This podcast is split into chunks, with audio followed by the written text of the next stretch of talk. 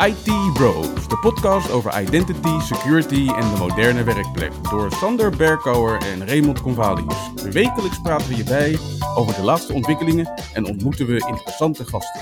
Volg onze podcast op Spotify of iTunes en stel je vragen op Twitter, ITBrosNL. Ik ben Raymond Convalius. En mijn naam is Sander Berkouwer. Welkom bij aflevering 23 van de IT Bros podcast. Het uh, klinkt alweer heerlijk gesmeerd, uh, nummer 23. Met ook deze aflevering het laatste nieuws, aankomende evenementen en uiteraard een productiviteitstip van Ray.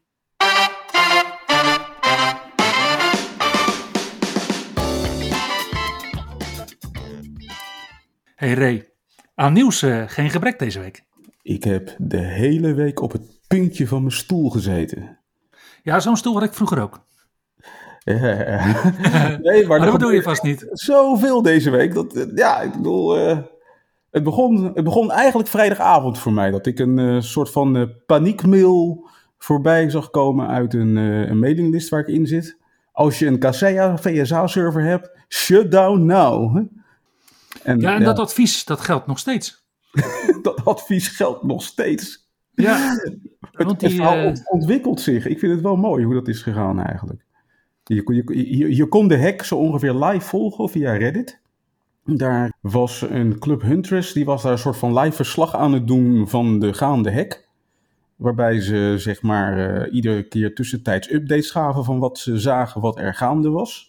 En uh, in de loop van het weekend kreeg uh, de hack een, een Nederlands tintje, zowaar. De Dutch Institute for Vulnerability Disclosure bleek uh, betrokken te zijn. Ja, maar laten we eens, laten we eens bij het begin beginnen. Laten we hem eens, wat, zegt, wat zegt Mark Rutte dan altijd? Laten we hem even afpellen. Ja. Huntress, wat is dat voor een organisatie, Ray? Ze zeggen dat ze zich presenteren als Managed Detection and Response Service Provider. Oké, okay. Dus zij zitten al zeg maar in dat vak waarbij ze dus Managed Service Providers een soort extra perspectief geven op uitingen rondom kwetsbaarheden. Ja, dus detecteren en daarop reageren. Ja, en zij zagen blijkbaar al heel vroeg dat er iets aan de hand was. En... Ja, want dat tijdstip, dat is ook wel heel interessant, hè? Want jij zei inderdaad vrijdagmiddag. Nou, dat is dan... Hier in Nederland was dat nog niet zo heel erg speciaal. Tenminste, het was steeds een beetje regenachtig. We hebben nu pas weer uh, wat lekkerder weer. Maar was in de Verenigde Staten wel een speciaal moment, die vrijdagmiddag. Ja, het was uh, de vrijdagmiddag voor de 4th of July. En dat is een uh, gigantisch feest in de Verenigde Staten. Ik bedoel, je zal daar niet vaak vuurwerk zien, maar op de 4th of July zie je heel veel vuurwerk. Dus ja, dat, dat feestje dat werd voorbereid op vrijdagmiddag van oudsher. Dus mm -hmm. mensen nemen dan vroeg vrij, en, of ze nemen de hele dag vrij, om, om het weekend gezellig in te kunnen gaan. Ja, en op dat moment sloeg dus deze partij toe. Dus wat je ziet is dat kwaadwillenden ook kwaadaardig zijn in dit geval.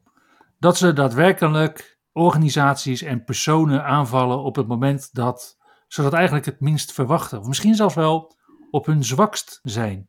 Ja, en het moment was om wel meer dan één reden pikant te noemen. Het blijkt namelijk dat, dat Kaseya al druk bezig was om de patch zeg maar, af te ronden vanwege het grote lek wat ze hadden gevonden in hun product. En, en, en, ze stond zo goed als op het punt om het uit te gaan rollen, als ik het goed begrijp. Ja, en dat is dat Nederlandse tintje waar je het uh, over had. Inderdaad, ik zag ook de tweets van Victor Gevers. Die is inderdaad betrokken bij dvd.nl. Ja. Voor de luisteraars die die niet kennen, Ray, wat doet de dvd.nl? Dat is een club vrijwilligers die dus uh, kwetsbaarheden opspoort. En vervolgens volgens de Responsible Disclosure Procedure contact opnemen met de betreffende fabrikanten om zo snel mogelijk het lek op te lossen. Ja, en zij hadden inderdaad een, een berg lekken bij Kaseya inderdaad ook al aangemeld. Maar die waren dus nog niet gefixt. Nee, het schijnt dat ze op het punt stonden om ze te gaan fixen. En het lijkt er ook op dat de hackers zich gehaast hebben om het zeg maar als een zero day nog te kunnen targeten. Dus uh, voordat het gepatcht is. Ja, dat vraag ik me af. Weet je, als ik kijk naar organisaties in Nederland, dan krijgen we natuurlijk ook op elke tweede dinsdag van de maand krijgen we patches vanuit Microsoft. Met ook best wel eens uh, af en toe uh, patches voor kritieke kwetsbaarheden. Mm -hmm. Maar die staan er dan niet uh, gelijk diezelfde dag al op. Dat duurt dan ook nog wel eventjes. We, za- we zagen dat natuurlijk ook wel bij ernstige kwetsbaarheden, dat sommige organisaties dan nog weken kwetsbaar blijken. Ja, alleen wat je dus normaal gesproken ziet, is dan komt er een patch uit. Dan Mhm. wordt vervolgens wordt die patch geanalyseerd door de criminelen. Waarna ze weten van, hé, hey, daar zat dus de kwetsbaarheid. En vervolgens ontwikkelen ze een, een virus of een stukje malware om daar misbruik van te maken. Ja, Alleen waar het nu op lijkt, is dat de criminelen al vooraf wisten dat er een zero day was. En Mhm. ik zit me nog steeds af te vragen hoe ze dat weer wisten. Misschien hebben ze de mail gehackt van eh, Kaseya of van de DIVD of geen idee van wie. Ja, nou ja, kijk, wat je ziet is dat er natuurlijk marktplaatsen zijn voor criminelen. eh, Waarbij dat soort kwetsbaarheden inderdaad worden verkocht. En worden gekocht door dat soort ransomware gangs. eh, om het dan daarna in te zetten. en om zo dat soort geld weer terug te verdienen. En then some. Ja, maar was het dan zo dat toevallig tegelijkertijd met de DIVD nog iemand anders die Zero Day heeft ontdekt? Of is de ontdekking van de DIVD door iemand anders ergens onderschept en vervolgens te koop gezet op het darknet? Ja, dat is natuurlijk de vraag. We hebben daar al eerder over gehad dat bij een gemiddeld datalek dat een kwaadwillende inderdaad al een flink aantal dagen in het netwerk is. Het zou best wel eens kunnen zijn dat deze jongens inderdaad al, sorry, dat deze jongens en meisjes al een tijdje in het netwerk van Kaseya aan het eh rondstruinen waren. Dat zou kunnen. Ja, en de, de andere kant dat het ook wel een haastklus lijkt te zijn, is dat uiteindelijk zeg maar de grote hackoperatie van die groep hackers die zichzelf R-Evil noemt, geloof ik, was een ransomware attack waarbij ze alleen maar de data hebben versleuteld en vervolgens ransom hebben gevraagd. Terwijl de meeste moderne eh, ransomware attacks, die blijven een tijdje in je netwerk, eh, maken een reservekopie van je data en zorgen ervoor dat, je, dat ze je vervolgens op twee manieren kunnen afpersen. Namelijk niet alleen door het versleutelen van je data, maar door ook nog even te vertellen van, nou ja goed, als je niet betaalt, dan maken we al je data morgen even openbaar. Ja, of dat ze inderdaad, en dat is natuurlijk die derde manier die we ook al hebben gezien bij medische informatie, dat ze ook nog eens eindklanten gaan afpersen. Precies. Ja, En, en dat stukje eh, data-extractie, dat ontbrak in deze hack. En dat, eh, ik, heb het, ik heb toch een beetje de indruk dat dat kwam vanwege de haast. Dat ze Oké. per se voor de 4th of July dat wilden doen. En misschien ook wel voordat Kaseya de patch kon uitrollen. Ja, ja, ja, je bent natuurlijk eh, anders ben je wel weer een tijdje bezig. Dan moet je weer wachten tot eind november met Thanksgiving. Precies. Wat merkten we ervan deze keer? Was er weer kaas op in de supermarkt? eh, dat soort dingen? Mm, Nou ja, in, eh, in Zweden moest eh, de Coop supermarkt, geloof ik, al zijn 800 filialen sluiten. Dus dat, dat hebben we wel gemerkt. Wederom was een grote hack gewoon nieuws. Mhm. Dus Ja. eh, NOS-journaal, RTL Nieuws, alle gewone nieuwskanalen hebben het erover gehad. Ja, en er waren ook een paar Nederlandse bedrijven geraakt uiteindelijk. En, en het lijkt erop dat de schade nog enigszins beperkt is gebleven doordat men heel snel heeft ingegrepen. Dus eh, zeg maar die, die paniekmail van vrijdagavond, dat bericht van shut down your Kaseya VSA-server, dat Mhm. heeft wel geholpen. Ja, want, want dat was echt een advies wat aan managed service providers is gestuurd. Dus organisaties die andere organisaties helpen, in dit geval dus met het monitoren van hun systemen. Wat ik zag is dat Velzard, dat is eh, een van de MSP's in Nederland, die wordt nu juist ook geroemd door de openheid die zij geven rondom hun aanpak om hun klanten inderdaad weer op weg te helpen. Ja, eh, maar sowieso vind ik dat de, de openheid rond deze hack wel een unicum genoemd mag worden. Vanuit alle kanten, zeg maar, vanuit eh, eh, zowel zeg maar Kaseya als de klanten van Kaseya, als de bedrijven die geraakt zijn door de hack. Mhm. Is iedereen daar best wel open over geweest? Van ja, wij waren het slachtoffer hiervan en we hebben geprobeerd de schade te beperken. Maar we're working on it. En we proberen zo snel mogelijk hier weer bovenop te komen. Ja. Nou, een van de dingen die we hoorden was dat er een bedrag van 70 miljoen dollar wordt gevraagd. Wat ik al hoorde is dat alle geaffecteerde Zweedse organisaties in ieder geval niet hebben betaald. Maar verwacht jij nog dat er organisaties gaan zijn die wel gaan betalen? Ik verwacht van wel. Kijk, niet betalen is natuurlijk het, het, het ideale scenario. En als je dat kan veroorloven, als jij beschikt over de juiste backups, et cetera, dan, dan moet je vooral niet betalen. Ja, want dan, Alleen- dan, bloed, dan bloed je inderdaad zo'n ransomware gang inderdaad leeg. Want zij betalen wel voor toegang of wel voor nou ja, alle andere dingen.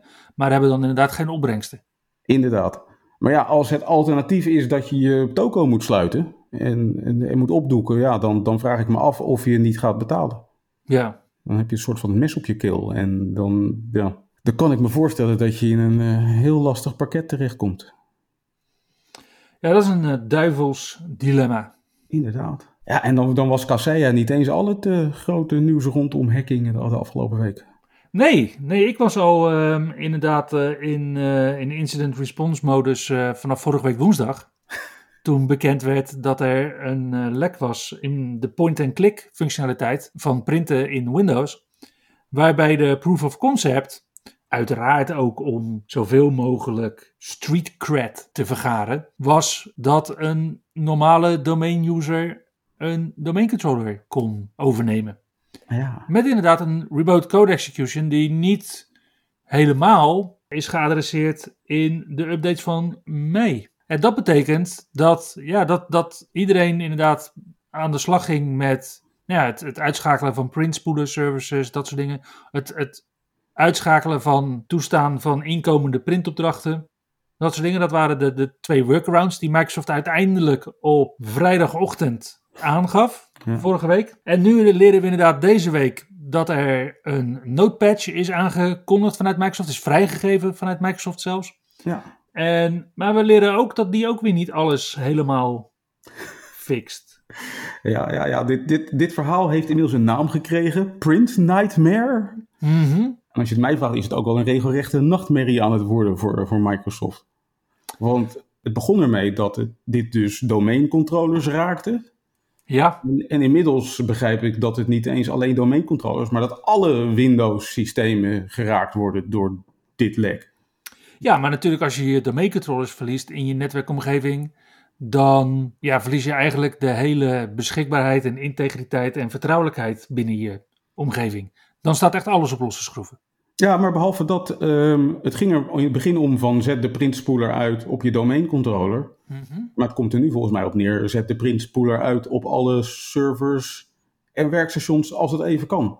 Nou ja, de printspoelen service kan je natuurlijk niet echt uitzetten op alle systemen, want dan kan niemand meer printen. Dat is toch deze periode van de maand ook lastig met iedereen die zijn maandstaatjes eh, aan, het, eh, aan het doen is. Ja. Maar wat je wel ziet is dat je dus de printspoelen servers op heel veel Windows Server installaties natuurlijk wel kunt uitzetten. Ja.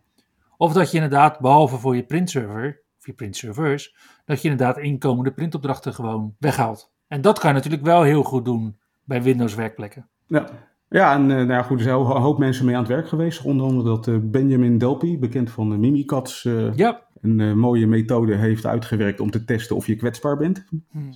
Dus het is nu heel snel uit te vinden of je hiermee, hierdoor geraakt kan worden. En ik heb inderdaad wat spectaculaire tweets voorbij zien zien komen van mensen die heel triomfantelijk riepen van... Ja, het werkt bij mij en ik ben nu enterprise admin geworden in mijn omgeving. Ja, gefeliciteerd. Ja, dat hebben, hebben jongens zoals jij en ik hebben daar inderdaad eh, jaren voor geleerd. Hebben allemaal certificeringen. Maar ja, join the club. Maar als ik dit allemaal goed lees, is Microsoft nog lang niet klaar met zijn huiswerk als het gaat over eh, dit probleem. Want eh, ze hebben patches uitgebracht, maar ik begreep ook dat ze er nog niet zijn voor bijvoorbeeld Windows Server 2016 en 2012 die Mhm. patches. Ja, En de huidige patch lost maar een deel van het probleem op, namelijk alleen de remote code execution en niet de local privilege escalation. Dus eh, Ja, en, dat zien we dan natuurlijk ook terug. Als je bijvoorbeeld een tool gebruikt als Bloodhound of Empire of Goldfinger, dan kan je ook zien welke personen in jouw Active Directory omgeving ook interactief kunnen aanmelden op domain controllers. Ja, als er dan zo'n local privileges escalation nog steeds is, dan herbergt dat wel een bepaald risico nog steeds. To be continued zou ik zeggen. Dat gaat over eh, Print Nightmare. Hè? Ja, Binnenkort meer in IT Bros. Nou, uiteraard was er ook nog nieuws over Windows 11. Ja, ik zit zelf nog steeds eh, te wennen aan eh, de, de taakbalk in het midden van mijn scherm, waarbij ik iedere keer op zoek ga naar de startknop links onder in beeld. En die zit daar dus niet meer in Windows 11. Oh, sorry. Wacht even. Hebben we het nou weer over Windows 11? We hebben het al drie afleveringen over Windows 11, hè? Ja, ja, maar iedere week komt er toch weer een beetje nieuws naar buiten. Het nieuws van deze week is dat eh, je kan upgraden van Windows 7 naar Windows 11. Alleen tijdens de upgrade raak je al je instellingen en applicaties kwijt. Dus eh, het is een soort van schone installatie als je rechtstreeks van Windows 7 naar Windows 11 gaat. Is het wel zo dat je licentiekeys nog steeds werken. Maar had jij iets anders verwacht? Nee. Nee, want Windows 7 is natuurlijk gewoon niet een ondersteund besturingssysteem vanuit Microsoft meer. Precies. Windows 8.1, update 1 natuurlijk wel. En daarmee, en dat zien we ook bij heel veel andere dingen, bij ondersteuningsvraagstukken, dat Windows 8 inderdaad ook nog wordt ondersteund. Een upgrade, een in-place upgrade van Windows 8 naar Windows 11 is waarschijnlijk wel nog steeds gewoon mogelijk met behoud van instellingen. Zou kunnen, weet ik niet eens zeker. ja, ik, uh, ik durf daar wel een wetje op te leggen, denk ik. Maar ja, Windows 7 is wat dat betreft dan zo oud en dus ook niet meer ondersteund, dat dat soort dingen inderdaad eraf vallen. En het ironische is natuurlijk dat op het moment dat je ervoor kiest om met je huidige coole rig inderdaad lekker verder te hobbelen met Windows 10, en dat je wacht op, weet ik wat, Windows 12 of Windows 13, dat je ja, daar ook weer in deze situatie zou kunnen komen. Dat je na eind 2025, dat je inderdaad met Windows 10 ook weer een niet ondersteund besturingssysteem onder je handpalmen vindt. Nou ja, ik wens je heel veel succes als dat je strategie is. Maar ik zie het nu ook bij organisaties al aan bod komen. Dat organisaties zeggen van ja, Microsoft kan wel zeggen dat we twee, drie jaar oude systemen moeten hebben. Maar ja, die vier jaar oude Z-systems van, van HP en zo, dat soort machines. Echt wel workstations. Ja, die, die ga je niet afschrijven in, in, in vier, vijf jaar. Die, die staan daar zes, zeven of acht jaar. Ja, nee, natuurlijk. Maar dus ongetwijfeld zullen er machines blijven staan. Dat, bedoel, dat is altijd al zo geweest. Ja, je hebt ook nog steeds inderdaad miljoenen kostende medische apparatuur met Windows XP eraan. Er is ook nog een bug gevonden in uh, PowerShell. En dat mm zijn in PowerShell versie 7. Ook een uh, remote execution vulnerability. AI. Met een uh, CVSS-score van 8.1. Dit is niet de PowerShell in Windows, maar de PowerShell die je onder andere terugvindt in, in Azure. En het is de bedoeling dat je die heel snel gaat upgraden, aangezien er geen andere workarounds beschikbaar zijn. Maar het grappige is dus dat als ik kijk naar die CVE-code, dat ik dus zie bij CVE 2021 26701, mm deze was toch gewoon al gefixt? Ja. Volgens mij in februari al van dit jaar. Klopt. Dus ik weet niet precies wat daar is gebeurd. Of de fix niet heeft gewerkt of dat er later een nieuwe uit is gekomen. Maar uh, het was wel weer uh, groot nieuws uh, de afgelopen week. Ja, en dat is dus samen met CVE 2021-1675 van Print Nightmare, dus de tweede al dit jaar. Kwaliteitsuitdaging uh, uh, bij het creëren van patches van Microsoft. Dat is toch altijd al een precair proces geweest en dat blijkt nu wel weer. Kijk, ik zie wel dat ze van ver zijn gekomen. Vroeger hadden we inderdaad nog wel eens instabiele systemen, dingen die helemaal niet meer werkten. Blue screens of death. Nou, daar zijn we in Windows 11 ook vanaf. Dat worden weer black screens of death. Ja. ja. Dus dat is, uh, dat is prima. Weet je wel. Gaan we terug, eigenlijk gaan we dan helemaal terug naar DOS. Ja, ja maar de, de, afkorting blijft hetzelfde. De BSOD. Ja, de afkorting blijft inderdaad hetzelfde. En nu zitten we dan inderdaad op een punt misschien waarop Microsoft wel heel recht toe recht aan dat soort kwetsbaarheden dus oppakt en adresseert in updates.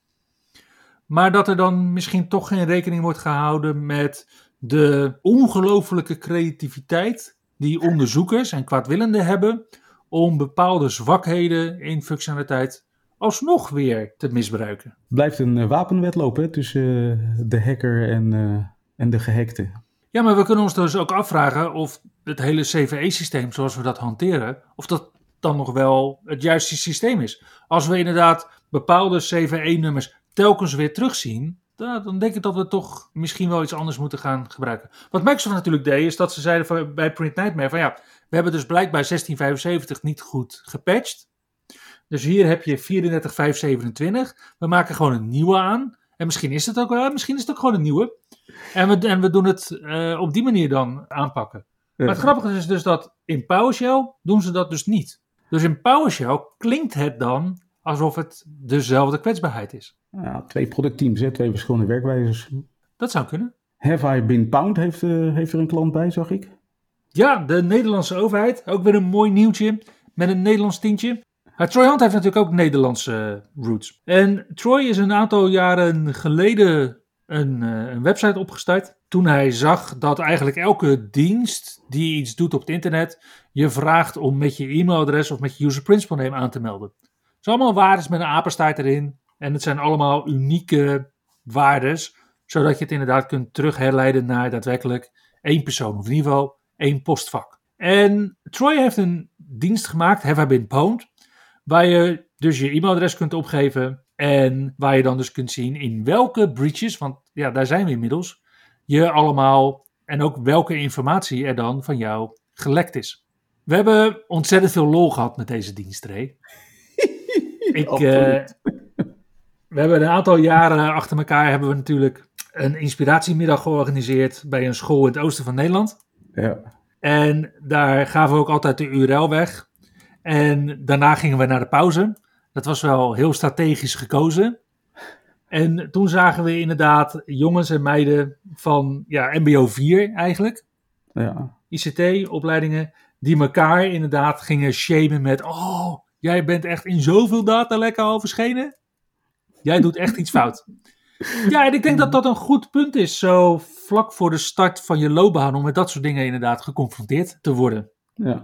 Maar goed, nu dus een, een, contract ook met de Nederlandse overheid, zodat dus de Nederlandse overheidsinstanties kunnen controleren of hun e-mailadressen ook in deze datalekken uh, uh, betrokken zijn. En, uh, en, en, daar hebben ze een API voor gekregen. Ja. Even, als het niet over security gaat, Microsoft heeft een, had, had vorig jaar een geweldig contract afgesloten met het Pentagon om voor 10 biljoen dollar ja, dat is 10 miljard euro. Hè? Nou, 10 miljard, ja. Wij noemen dat, ja, precies, wij noemen dat miljarden. Ja, een, 10 biljoen dollar gingen ze Azure-diensten leveren aan de Amerikaanse defensie. Ja, dat was een aanbesteding en die heeft Microsoft gewonnen. Ja. Nou, daar waren een aantal andere partijen het niet mee eens. Een aantal hebben dat al opgegeven. Er was één partij die uh, stug stand hield. Eén uh, eenmoedig dorpje, nee. internetreus Amazon liet het er niet bij zitten. En is nog steeds ook bezig met, met rechtszaken, omdat ze vermoeden dat onder andere meneer Donald Trump daar natuurlijk een vinger in de pap had. En de Amerikaanse defensie is nu inderdaad gestopt met die aanpak. En heeft nu aangegeven dat ze, dat ze iets anders willen gaan doen. Om er maar voor te zorgen dat ze in ieder geval van start kunnen gaan. Want ja, als je nog steeds vastzit in rechtszaken, kan je natuurlijk niet van start gaan. Nee, inderdaad. Dus uh, ja, het contract is uh, opengebroken. To be continued ook, zou ik zeggen. Uh, ook de, de security fabrikanten gaan ook nog wel eens een keer de mist in. En dat bleek afgelopen week dan ook alweer rond Kaspersky. Die hebben een eigen password manager. Mm -hmm. En het blijkt dat hun, hun random generator, die, die was time-based. Met als gevolg dat die uh, maar een beperkt aantal wachtwoorden kon genereren. En uh, ja, het gevolg daarvan was dus dat de wachtwoorden die gegenereerd... Als, als je wist dat het wachtwoord was gegenereerd met de Kaspersky Password Manager... Dan kon je in enkele seconden kon je het wachtwoord raden wat was gegenereerd door de password manager, aangezien die ook nog een standaard paswoordlengte had. Pijnlijk verhaal denk ik voor Kaspersky. Hebben ze nu wel gefixt, maar ik denk niet dat heel veel mensen nog uh, de passwordmanager van Kaspersky als uh, voorkeurs uh, passwordmanager zullen hebben. Ja, nou ja, daar neem, daarmee neem jij aan dat mensen dat nieuws meekrijgen. Ja, wel natuurlijk als je deze podcast luistert. daarmee neem je aan dat mensen dan ook inderdaad een passwordmanager upgraden. Want ik zag van de week gewoon nog een versie 2.7 van Remote Desktop Manager. Die, de lekke versie, inderdaad. Um, en dan heb je inderdaad de aanname dat je dus denkt dat mensen hier wakker van liggen. En ik ga wel met je mee dat dat geldt voor het grootste gedeelte van beheerders. Maar ik denk dat hier nog wel wat aanvalsmethodieken blijven liggen voor kwaadwillenden. Ongetwijfeld, ongetwijfeld. Het is, het is natuurlijk nu een, een, een mooie password set om los te laten op een, uh, op een dienst als je met een uh, password spray attack aan de slag gaat. Ja, want het maximaal aantal wachtwoorden wat je inderdaad met de Kaspersky Password Manager kon maken, was in de orde van grootte van 315 miljoen wachtwoorden. Ja, dan kan je met een tool als uh, Jack the Ripper kan je daar uh, vrij snel doorheen. Nou, het laatste nieuws nog komt van, uh, van Microsoft. Microsoft is bezig met Office. Er komt een nieuwe Office UI. Alhoewel, niet zo lang geleden was er sprake van dat Microsoft de Office UI helemaal om zou gooien en dat de ribbon vervangen zou worden door een contextuele taakbalk, whatever that may be. Het gaat voorlopig nog niet gebeuren. Uh, ze zijn nu bezig met het testen van de nieuwe Office UI en daarin worden alleen wat kleine grafische wijzigingen doorgevoerd. En als je Office Insider bent, dan kan je nu alvast gaan spelen met de nieuwe user interface van Office. Oh, gaaf. Uiteraard op Windows 11. Uiteraard.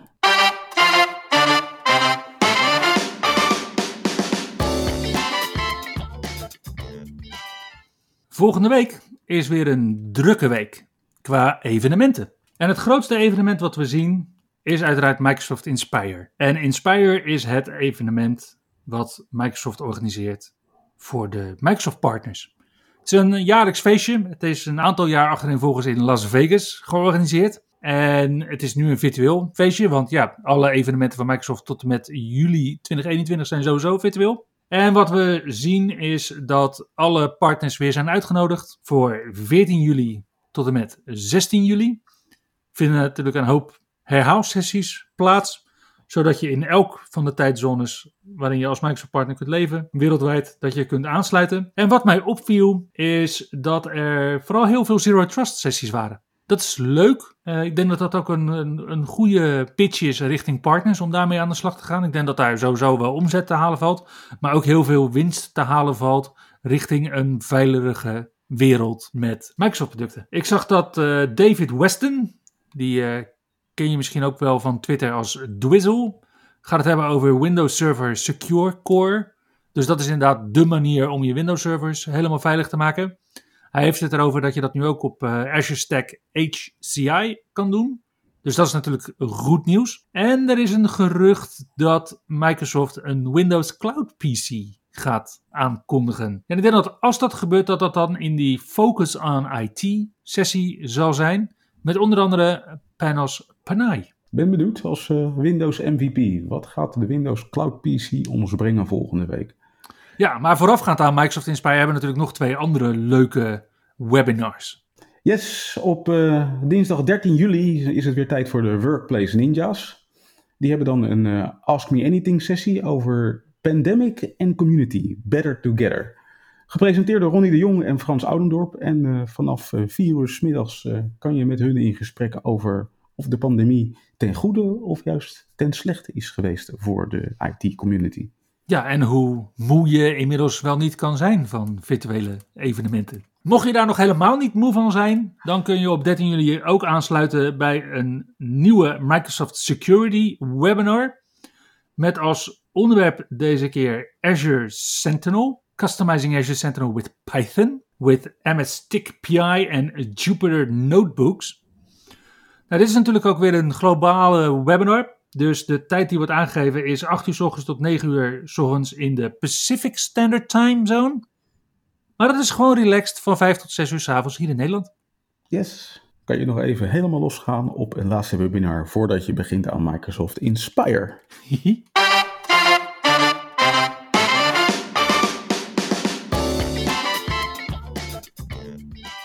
hey Ray, wat is de productiviteitstip van deze week?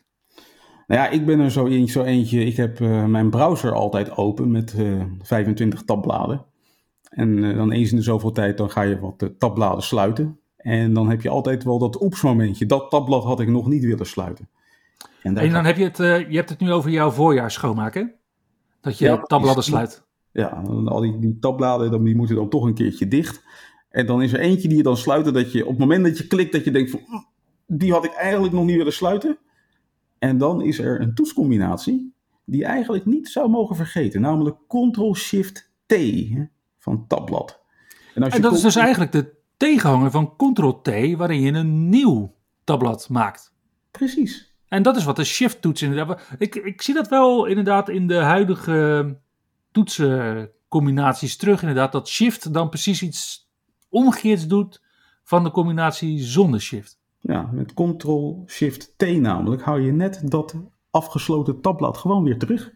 Ah.